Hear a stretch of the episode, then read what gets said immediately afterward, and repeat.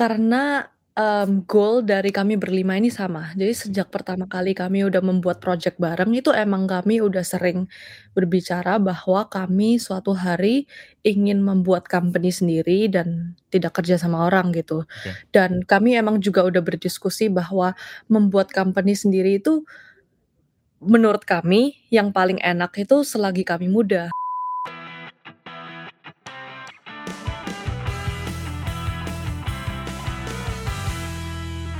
Podcast ngobrolin startup dan teknologi bareng gue Imbre dan kali ini kita udah kedatangan Michelle Marcelin, uh, co-founder dari Type Dream. Uh, kita akan ngebahas banyak hal, uh, terutama tentang Type Dream, kemudian visi mereka, produk mereka, dan juga tentang hal-hal apa aja yang ingin mereka lakukan di masa yang akan datang. Tapi sebelum ke sana kita akan sapa dulu Michelle. Halo Michelle. Halo Imre, makasih banget ya udah undang saya ke podcast ini. Ya, thank you banget udah menyempatkan waktu untuk ngobrol. Jadi uh, hari ini uh, kita pengen ngebahas tentang beberapa hal yang tadi udah aku sebutin juga. Tapi sebelum ke sana mungkin kalau boleh uh, bisa perkenalkan diri sedikit. Mungkin uh, tambahkan dengan satu hal yang mungkin orang yang jarang hal yang jarang orang ketahui tentang lo. Hmm, oke. Um, halo semuanya, nama aku Michelle, dulu lahir dan dibesarkan di Surabaya, tapi pindah ke Amerika tahun 2015 untuk kuliah. Mmm, setelah kuliah 4 tahun, mmm, saya lulus dari University of California, Los Angeles. Oke. Setelah lulus, mmm, awalnya day job dulu ya, ikut, mmm, kerja 9 to 5 seperti biasa di perusahaan lain. Mhm. Lalu setelah 3 bulan, memutuskan untuk apply ke Y Combinator, sebuah startup accelerator dan untungnya keterima. Jadi sejak itu, mmm, saya dan tim saya selalu membuat, mmm, startup bareng aja. Dan alasan mengapa cuma day job 3 bulan dan langsung terjun ke dunia dunia startup, karena sebenarnya dari college, dari tahun pertama, mmm, saya waktu pertama kali ketemu dengan 4 teman saya yang lain ini, kami udah sering, mmm, membuat project-project kecil bersama-sama gitu, mulai dari project sekolah, ke project-project di luar sekolah juga. Oke. Dan akhirnya setelah lulus ya kami memutuskan untuk membuat project ini lebih besar dari sekedar project gitu, I untuk see. dijadikan startup beneran. Oke, thank you Michelle. Kalau boleh tahu, eee, jurusan dulu di UCLA ju udah computer science juga? Nggak jurusan matematika, tapi 4 co-founder saya yang lain itu ko computer science. Nah, ini menarik. Jadi kenapa akhirnya dari matematika kemudian memutuskan untuk, "Oke deh, gue bikin startup di bidang teknologi," gitu loh? Oke, jadi startup pertama kali yang kita buat berlima ini sebenarnya di dunia fintech ya, finance teknologi.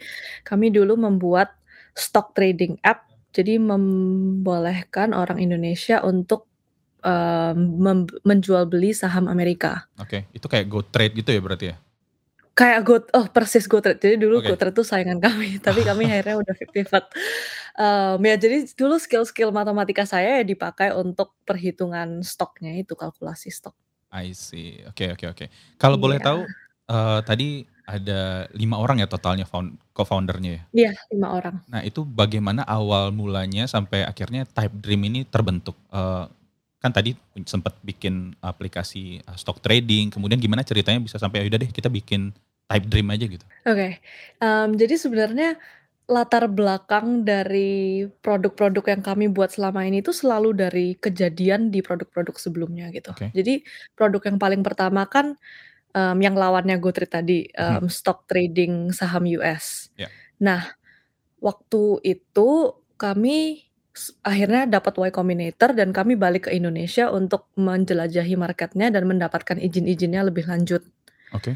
Nah, tapi waktu itu kami kesusahan mendapatkan izin karena emang di Indonesia belum ada izin yang benar-benar untuk produk itu karena kan itu ide baru ya, belum ada yang, mmm, kayak produk yang menjual saham asing gitu. Ya ya ya. Jadi kami waktu itu berkenalan dengan, mmm, dengan manajer atau CEO-CEO yang bergerak di bidang fintech, salah satunya, mmm, CEO Bareksa, itu kayak mutual fund reksadana di Indonesia juga. Kan ya kami mau tanya-tanya kan karena bidangnya sama ya.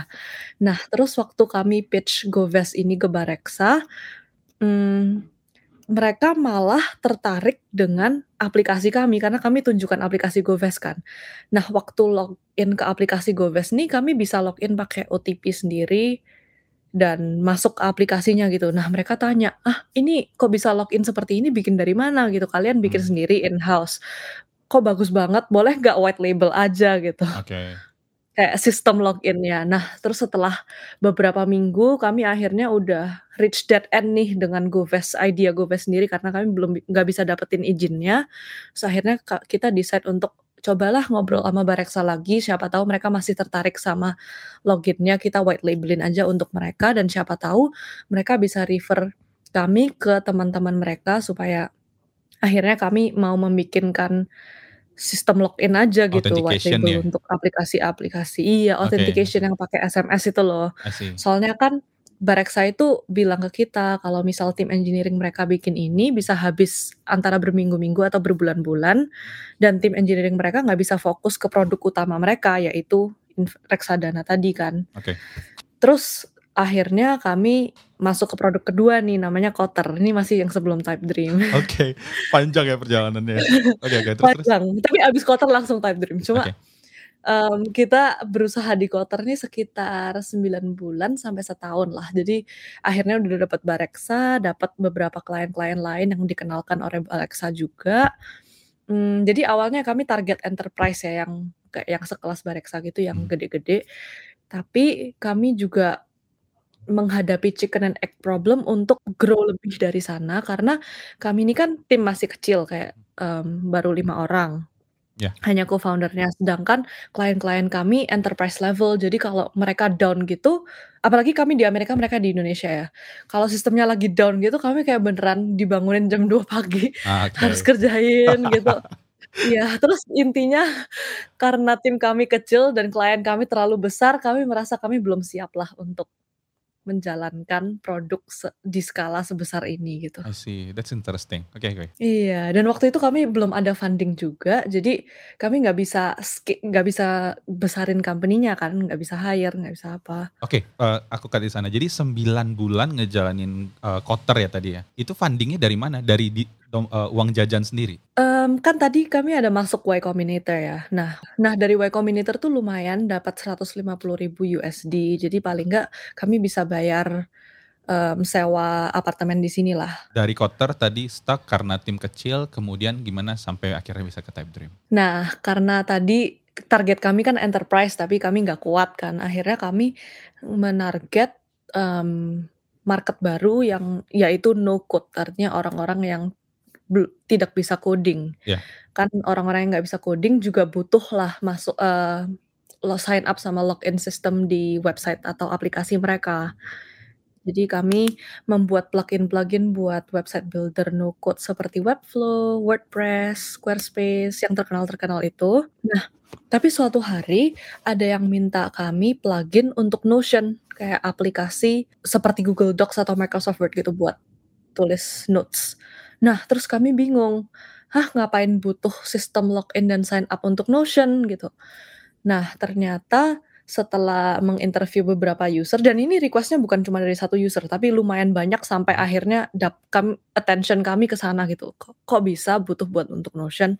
Nah, ternyata dari user-user ini mereka bilang bahwa mereka menggunakan Notion untuk membuat website mereka, karena interface-nya ini sa saking familiar-nya untuk mereka. Mmm. Karena mereka kan siapa sih yang nggak tahu cara pakai Google Docs atau Microsoft Word gitu. Ya. Kalau misalnya mereka disuruh pakai, mmm, WordPress atau Wix gitu kan mungkin ag agak belajar sedikit ya, karena nggak pakai itu setiap hari gitu. Nah, makanya mereka prefer untuk bikin website di Notion. Nah, terus kan kita lihat, wah ada opportunity nih gitu.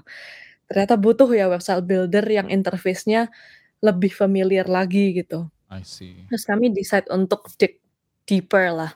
Apa dari Notion sebagai website yang kurang gitu. Mhm Nah, mhm. terus mereka tuh sebutkan 2 poin penting. Yang pertama, button, tombol. Tombol tuh kan penting banget ya buat website, kayak website apa yang nggak ada tombolnya gitu. Mhm. Nah, tapi kalau pakai karena Notion ini aplikasi untuk nulis catatan, nggak ada tombol, jadi mereka Oke. harus masukkan CSS script gitu. Mhm. Nah, kalau misalnya masukin CSS script kan berarti nggak pure no code ya, kayak harus tahu sedikit HTML, CSS meskipun bukan harus 100% ngerti coding gitu, tapi kan tetep aja nggak perlu nggak pure no code. Mhm. Terus yang nomor 2 navigation bar, menu bar yang di atas yang biasanya ada Oke. home, about, apa, itu juga nggak bisa, itu harus pakai CSS juga. Nah, jadi karena kami udah memvalidasi market-nya, ada demand-nya, dan tahu apa yang kurang dari produk hacky yang dipakai orang-orang ini, kami merasa, "Oh iya, ada market nih buat Typedream." Makanya lahirlah Typedream. Oke oke, eee, ada satu hal yang, eee, aku lihat menarik. Jadi dari awal, dari pertama GoFast, kemudian Kotter, dan sampai akhirnya Typedream, itu berlima terus kan ya? Benar, berlima terus. Nah, eee, apa yang bikin 5 orang ini bisa survive bareng-bareng? Karena mungkin kadang di beberapa kondisi ada 1 atau 2 orang mungkin, "Gua nggak lagi deh ngerjain ini," kayak gitu. Mungkin gue pengen kerja yang lebih stabil aja, masuk perusahaan dan lain-lain. Nah, apa sih secret ingredient sih? Benar benar. Mmm, jadi mungkin karena, mmm, goal dari kami berlima ini sama. Jadi sejak pertama kali kami udah membuat project bareng itu emang kami udah sering berbicara bahwa kami suatu hari ingin membuat company sendiri dan tidak kerja sama orang gitu. Oke. Dan kami emang juga udah berdiskusi bahwa membuat company sendiri itu menurut kami yang paling enak itu selagi kami muda, karena nanti kalau sudah ada umur sedikit, mungkin kami sudah mulai memikirkan untuk berkeluar berkeluarga, punya anak, ada tanggungan. Kalau misalnya kami bikin company waktu itu dan company-nya nggak jadi kan susah ya, Iya iya gimana iya. cara membiayai keluarga, ada biaya bulanan gitu-gitu. Nah, mumpung kami semua masih single, nggak ada tanggungan, ya kami berani aja gitu do the startup sekarang. Lagian kami pikirnya kalau gagal bis sewaktu-waktu pun bisa kerja lagi Iya ikut iya orang iya. kalau mau, That's true that's true. Oke, Iya. eee, good to hear that. Jadi, eee, kembali lagi ke topik yang sebelumnya, kalau tadi, eee, kan sebenarnya kita udah tahu juga ya ada tools no code yang lain kayak Webflow, kemudian ada Cartco juga, dan lain-lain lah. Eee, kalau menurut teman-teman Typedream, apa sih, eee, unique value proposition dari Ty Typedream ini sendiri ketimbang tools-tools yang udah ada? Mmm, jadi menurut kami setiap website builder tuh punya go to use case-nya masing-masing ya. Oke. Kayak misalnya Webflow itu paling banyak dipakai oleh company. Jadi company-company kan meskipun punya engineering team, tapi kebanyakan yang update landing page itu pasti tim marketing, karena landing Oke. page gunanya di-update buat ganti fitur, tambahin promosi, gitu-gitu kan. Nah, jadi Webflow itu targetnya company. Squarespace itu targetnya small business, restoran, salon. Oke. Nah, kalau misalnya Typedream, kami tuh mau target, mmm, startup founders tadinya dan sekarang ini mau masuk ke dunia Web3. Oke. Nah, kami target startup founders dan Web3 specifically karena ada satu co-founder kami yang jago desain. Mhm mhm. Jadi desain-desain kami itu emang di menurut customer-customer kami, desain kami itu sangat futuristic dan modern gitu. Kayak misalnya kami punya gradient, kami punya navbar yang blur dan seperti efek kaca gitu, gla glass iya. morphism. Iya, jadi karena desain yang futuristic itu, target market kami adalah startup founder dan Web3, karena orang-orang Web3 artistik banget kan ya. Oke oke, ngomongin Web3, jadi sebenarnya, eee, apa pandangan, eee, Michelle tentang Web3? Dan kita sebelum kita ngobrolin Typedream, eee, Typedream ya, Heeh. eee, punya pandangan pribadi nggak tentang Web3 ini seperti apa dan ke depannya akan seperti apa? Iya, mmm, jadi kalau saya pribadi sih, saya percaya banget ya Web3 ini bakal besar. Oke. Karena menurut saya ada beberapa, mmm, bi apa ya, beberapa hal-hal di hidup yang harus dipisahkan dari pemerintah gitu. Jadi Oke. Web3 ini kan simpelnya internet dimasukkan ke blockchain kan. Nah, Mhm. kalau namanya udah di blockchain berarti tidak ada satu entity pun yang berkuasa gitu, semuanya itu milik individual. Oke. Nah, menurut saya ada beberapa hal yang har yang harus dipisahkan dari government. Misalnya, eee, mengenai freedom of speech ya, kayak ke hak untuk berbicara, mengatakan opini gitu. Nah sekarang kalau misalnya saya tulis fake news gitu di Mhm. Facebook atau di Twitter di mana bisa di-ban kan ya kayak kasusnya Donald Trump Ya gitu. ya ya. Nah tapi manusia itu percaya bahwa semua orang itu bebas untuk mengatakan apa pun. Mhm. Kalau misalnya apa yang saya katakan tuh sesat dan ada orang percaya ya biarin aja gitu. Itu bukan bukan tugasnya sosial medianya yang untuk me nge-ban gitu Iya, karena oke semua oke orang oke. itu berhak untuk beropini. Oke oke oke oke. Nah itu Interesting. itu salah satu contoh mengapa blockchain itu akan jalan karena hak akan ada beberapa hal yang seharusnya tidak boleh diatur oleh pemerintah, itu kayak hak kita sendiri gitu. Oke, that's interesting take, oke oke. Jadi, eee, beberapa episode, eee, terakhir tuh di podcast ini emang lumayan sering ngobrolin Web3. Jadi emang kita suka dengar pendapat-pendapat orang tentang Web3, eee, kenapa Web3 Iya. is future, kemudian ada juga kemarin terakhir tuh kontra tentang Web3 dan pendapatnya menarik, menarik-menarik semua sebenarnya dan ini pendapat baru yang lumayan menarik. Jadi, eee, ya, that. Jadi, eee, apa yang akan dilakukan, eee, Type Dream terkait dengan Web3? Apakah sebenarnya Type Dream ini nanti pengen bikin, aku nggak tahu apakah no code supaya orang bisa tiba-tiba, eee, deploy smart contract atau apa pun itu? Exactly. Jadi Type Dream tetap akan di dunia website builder, tapi sekarang yang di Web3 ini rata-rata masih developer semua ya, belum ada orang-orang yang tidak bisa code tapi ada di dunia Web3, untuk Oke, sekarang paling ya. nggak.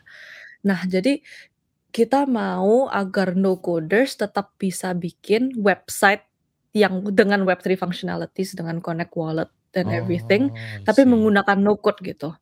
Nah, sebenarnya produknya apa, kami juga belum yakin karena Web3 sendiri ini masih sangat early ya, kayak orang-orang di dunia Web3 pun belum tahu produk apa yang bakalan jalan gitu. Kayak Ya. misalnya beberapa bulan lalu lagi tren banget nih NFT, tapi Mmm. sekarang trennya udah mulai turun gitu. Iya iya iya. Ya namanya namanya teknologi atau protokol baru pasti kayak gitu, banyak yang trending, turun trending, turun, tapi nanti suatu ketika pasti trending dan trending terus gitu. Ya ya ya.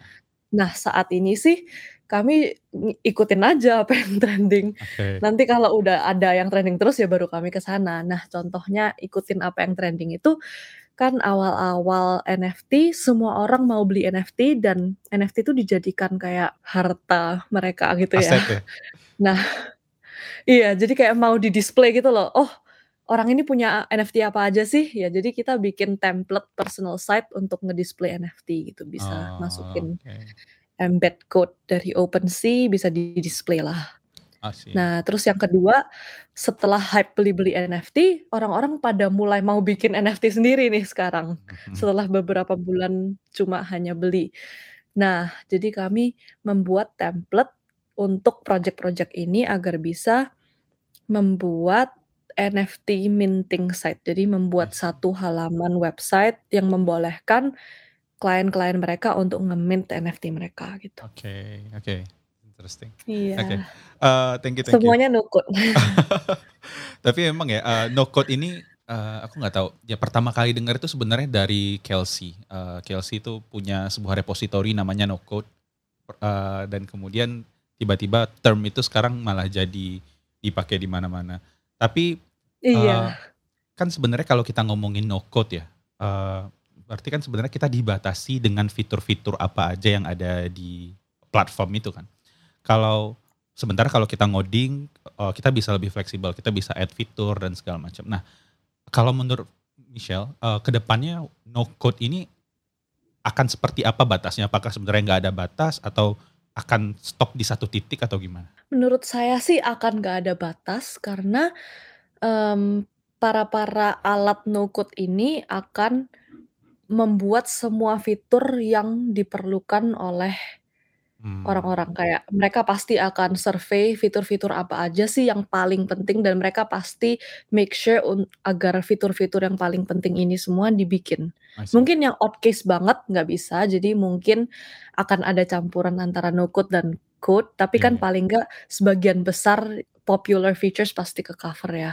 Oke. Terus mengapa saya benar-benar percaya bahwa no code itu in is the future, karena, mmm, menurut saya Eee, kalau pakai alat no-code misalnya, bikin website sisa pilih template, ganti-ganti dikit, publish gitu. Misalnya total 5-10 menit. Sedangkan kalau pakai code, selancar-lancarnya coding misalnya ada contoh nih di sampingnya kayak copy paste bener-bener ya lebih lama lah Ya ya. ya Nah, ya. siapa tahu, mmm, kemampuan coding itu tadi bisa dipakai untuk bikin produknya aja daripada bikin hal-hal yang bisa digantikan oleh no-code. Jadi no-code ini anggapannya kayak alat-alat automation lainnya lah untuk menggantikan pekerjaan yang bisa digantikan oleh mesin. Oke. Lama-kelamaan nanti developer jadi nggak ada kerjaan ya? Pasti ada. Jadi menurut saya semua alat apa pun, no-code, automation nggak mungkin bisa menggantikan pekerjaan manusia, karena manusia akan terus improve. Jadi apa yang tadinya bisa digantikan oleh robot, ya biarin aja digantikan. Manusia akan mencari hal baru yang mereka bisa kerjakan.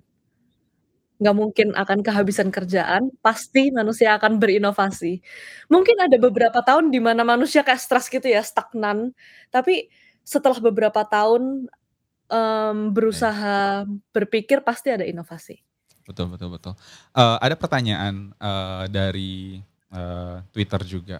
Sebenarnya apa sih, eee, tantangan kali ya, tantangan ketika ngebangun bisnis atau startup di Silicon Valley? Tadi, eee, Michelle sempat mention juga tentang tantangan bikin bisnis di Indo, terkait regulasi. Kalau di Silicon Valley tuh tantangannya apa sih? Kalau di Silicon Valley itu tantangannya lebih ke arah, kita itu di sini sendiri ya kan, kami imigran, Ya. temennya nggak sebanyak temen dan keluarga di Indonesia. Jadi mungkin kalau di Indonesia ada pertanyaan sedikit, bisa tanya ke kanan kiri gitu, banyak channel lah ya, banyak koneksi.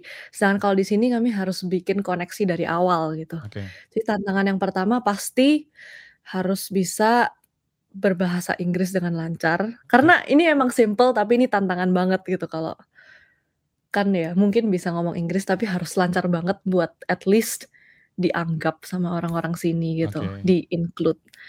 Terus tantangan nomor 2 ya membuat mem bikin koneksi dari nol. Bikin koneksi ya. Tapi kan sebenarnya Iya. kalau di Silicon Valley itu sebenarnya banyak networking event kan, eee, networking event yang sifatnya mungkin emang lebih ke bisnis dan, eee, ya bisnis lah, bisnis atau startup. Tapi kalau di sini pun sebenarnya itu jauh lebih sulit lagi karena kebanyakan event di Indonesia let's say kalau kita ngomongin tech itu pasti kebanyakan ya tech community. Kita jarang kayaknya jarang deh ada community, eee, bisnis, orang networking, CEO-CEO ngumpul dan segala macam. Berarti sebenarnya kan lebih masih lebih baik daripada di sini kan sebenarnya? Atau nggak, sama aja? Ya, menurut saya lebih bener sih, lebih mudah di sini kalau sudah kalau udah masuk ke bubble-nya, tahu tech event apa aja yang kita bisa join gitu, akhirnya lebih mudah di sini karena memang lebih banyak aja volumenya. Iya, lebih banyak. Ya ya Iya, ya lebih ya. banyak volumenya. Kalau, eee, boleh tahu, eee, apa yang ingin dilakukan oleh Type Dream setelah ini? Eee, apakah ada milestone pengen raise fund lagi atau pengen rilis produk baru lagi? Mmm, untuk raise fund belum, karena terakhir kali kami raise fund baru tahun lalu, jadi mungkin raise fund selanjutnya ya baru 2, 3 tahun dari sekarang lah. Eee, masalah produk, iya kami mau masuk ke Web3, lagi berusaha figure out aja orang-orang di Web3 ini ngapain dan ditiru gitu. I see I see. Eee, satu hal Mhm. Michelle, eee, di di sini kit di Indo ya, eee, terutama, eee, kita sering nemuin kondisi di mana ada banyak orang yang sulit untuk maju, eee, terutama, eee, underrepresented group kayak cewek gitu. Eee, sementara Michelle di sana udah bikin startup, kemudian mungkin punya networking yang lebih, eee, luas lagi dengan, eee, orang-orang di situ. Ada nggak sih hal-hal yang mungkin bisa di-share kepada teman-teman kita di sini, eee, mungkin khususnya women in tech untuk bisa, eee, ngedorong mereka supaya lebih maju lagi atau bisa ngebantu mereka untuk menghadapi situasi mungkin aku aku nggak tahu ada banyak situasi di sini, tapi gimana caranya biar, eee, kita bisa maju bareng-bareng? Eee, menurut saya sih change of mindset aja ya, kayak Oke. mindset-nya harus diganti bahwa kita harus lebih terbuka lah, mmm, kalau cewek dan cowok itu sama aja, equal, ras apa pun juga equal. Kayak di sini sih contohnya, tadinya kan pada pada menuhankan ras orang putih gitu ya. Iya.